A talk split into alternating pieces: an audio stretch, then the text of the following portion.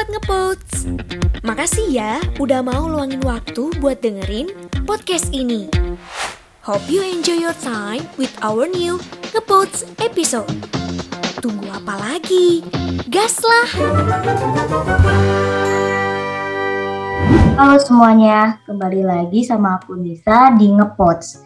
Di episode kali ini aku gak sendiri nih. Setelah kemarin kita ketemu, kita ngobrol-ngobrol sama beberapa UKM yang ada di Visip UAJY, hari ini aku ditemenin sama UKM Basket Visip UAJY nih. Halo Kak Wulan, gimana kabarnya? Halo, halo teman-teman, halo Nisa. Uh, baik kok, baik. Kau gimana? Oke, baik Kak, baik. Uh, boleh banget nih Kak, uh, sebelum kita ngobrol-ngobrol lebih lanjut, kita boleh nih perkenalan kakak kakaknya perkenalan dulu dari uh, namanya siapa terus uh, jurusannya apa terus uh, ngejelasin sedikit nih tentang UKM basket fisik wajah ini oke. Okay. uh, kenalin nama aku Wulan aku salah satu pengurus harian di UKM basket buat periode sekarang ini.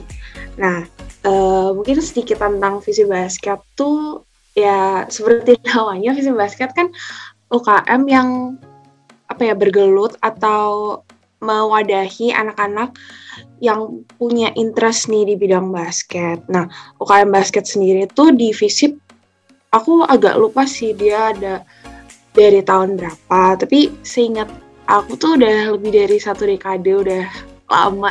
Kalau nggak salah 2009 tapi kalau pastinya aku ada-ada kurang ingat gitu sih terus abis itu kalau visi basket tuh biasanya latihan sebelum pandemi ya. Biasanya latihan tuh seminggu dua kali setiap hari Kamis sama hari Sabtu gitu sih.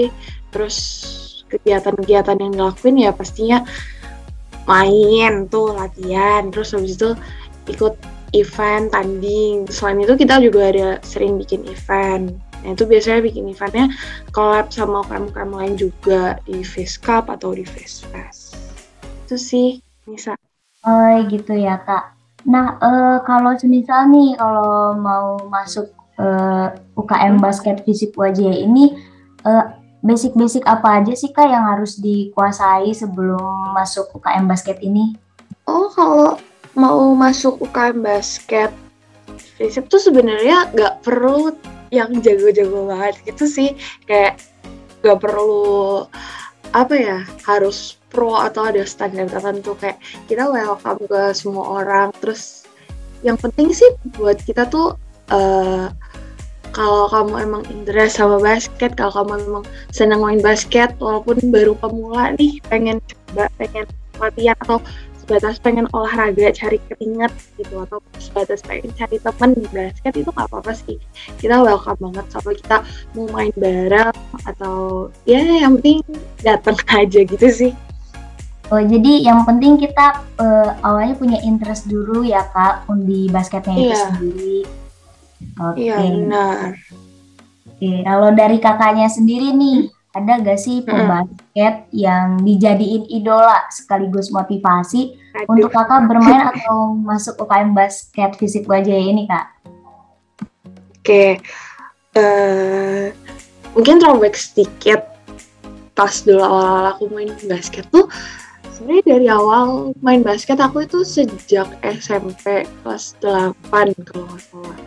Nah, itu tuh bukan karena ada sosok idola atau gimana juga awalnya awalnya malah aku main basket tuh karena aku naksir sama cowok waktu SMP tuh.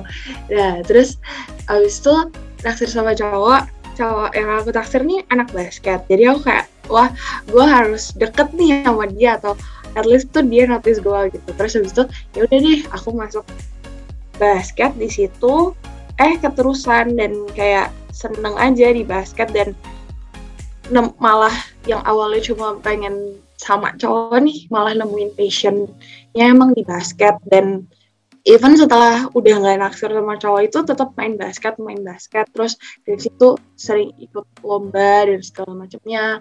Dan ya akhirnya jatuh cinta sendiri gitu loh sama basket. Terus apa namanya uh, sampai kuliah pun karena ada UKM basket nih. Dan kayak udah stalking stalking sebelumnya sebelum masuk. Wah ini uh, visi basket tuh kayak apa ya aku lihatnya tuh dulu awalnya keluarganya erat banget terus kayak happy banget gitu loh anak-anaknya dan menyenangkan gitu. Jadi ya udah karena aku suka basket dan ngelihat ambience-nya atau orang-orangnya juga kayaknya welcome dan fun jadi ya udah. Kayak why not aku tetap ikut basket gitu. buat stress relief juga nih. Apa namanya kayak masa-masa kuliah kan stres jadi ya udahlah kita main basket aja gitu. Kalau kayak idola buat motivasi masuk basket gitu sih nggak ada sih sejauh ini. Oke. Okay. agak seru nih uh, apa terus uh, awal mula masuk basketnya ya kak gara-gara naksir cowok. Iya, iya bener uh, terus kak uh, ini uh, basket fisik UAJ ini selama pandemi nih kesibukan. UKM-nya itu ngapain aja sih kak atau malah kayak pandemi itu uh, bikin kegiatan UKM basket ini jadi ngehambat jadi kayak kegiatan jadi gimana kan jauh tuh anak-anaknya gimana tuh yeah. kak? Ya, oke okay, kalau buat kegiatan UKM basket sendiri selama pandemi, jujur sangat menghambat sih karena kan basicnya tuh basket kan kegiatan fisik dan selama pandemi ini kita harus apa sih protokol kesehatan, terus harus jaga jarak dan segala macamnya kayak rentan banget tertular virus gitu kan. Nah, ini just justru menghambat karena kita nggak bisa nih latihan yang biasanya. Kayak kita meet up di lapangan terus kayak kita main bareng atau kita tanding semuanya tuh kegiatan-kegiatan kayak gitu tuh off semua gitu. Dan kayak jujur anak basket tuh malah jarang banget yang dari Jogja. Kayak banyakan tuh dari luar pulau dari Kalimantan dari Sulawesi. Jadi ya mau apa ya mau lakuin kegiatan pun susah karena waktunya bertabrakan terus orang-orangnya juga ngilang-ngilang kayak gitu. Terus juga nggak bisa ketemu kan gitu.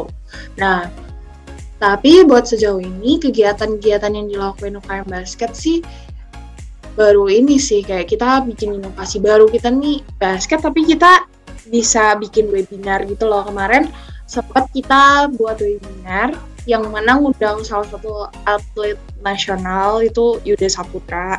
Nah, terus habis itu itu ternyata walaupun apa ya kita UKM basket tapi bikin webinar nih uh, yang antusiasmenya tuh juga tinggi gitu loh nggak kalah tingginya gitu tapi di situ karena pandemi ini kita nemuin inovasi baru yang bikin kita tuh bisa dikenal sama orang-orang luar gitu. Kemarin justru yang apa ya, yang daftar webinar ini orang-orang dari luar pulau juga tuh, dari Sulawesi, dari Aceh bahkan ada, terus dari Kalimantan, dan seluruh penjuru Indonesia tuh ada gitu loh. Itu sih, jadi walaupun menghambat, tapi kita punya inovasi baru nih. Gitu. Wala, jadi tetap mencoba untuk uh, ada kegiatannya gitu kak. Jadi iya. Walaupun, jadi walaupun UKM-nya olahraga, tetap harus kayak harus ada kegiatan, harus aktif biar mm -hmm. uh, apa ya chemistry yeah. antara anggotanya itu ada ya kak. Bener-bener iya biar gitu kan. biar yang udah dibangun nih selama ini kayak UKM basket kan udah dibangun dari lama tuh, terus kayak gak gak apa ya nggak hilang gitu aja nggak kelar gitu aja gitu loh. Iya betul betul sih kak. Biar gak pada hilang ya anggota anggotanya kak. Iya tapi susah banget sih sekarang lumayan. Kemarin kemarin kami juga sempat ini sih apa uh, meet up tuh uh, bulan lalu kalau nggak salah sempat latihan latihan gitu. Tapi ya buat senang senang aja gitu tapi kayak kalau untuk latihan rutin mungkin masih agak-agak susah Iya sih kak, kalau misalnya harus kayak rutin itu uh, kita juga harus tetap ngejaga protokol kesehatannya juga ya kak ya. Iya benar. Nah gini, uh, gini kak, aku ada pertanyaan nih kayak uh, kan kebanyakan nih pemain basket itu kan tinggi-tinggi ya kak. Iya, iya, iya. Nah uh, emang uh, pemain basket itu harus tinggi gak sih kak? Soalnya kan kalau misalnya aku lihat nih pertandingan di TV TV gitu kan tinggi tinggi tuh pemainnya. Apa apa kayak pemain basket itu emang harus tinggi atau atau gimana gitu kak?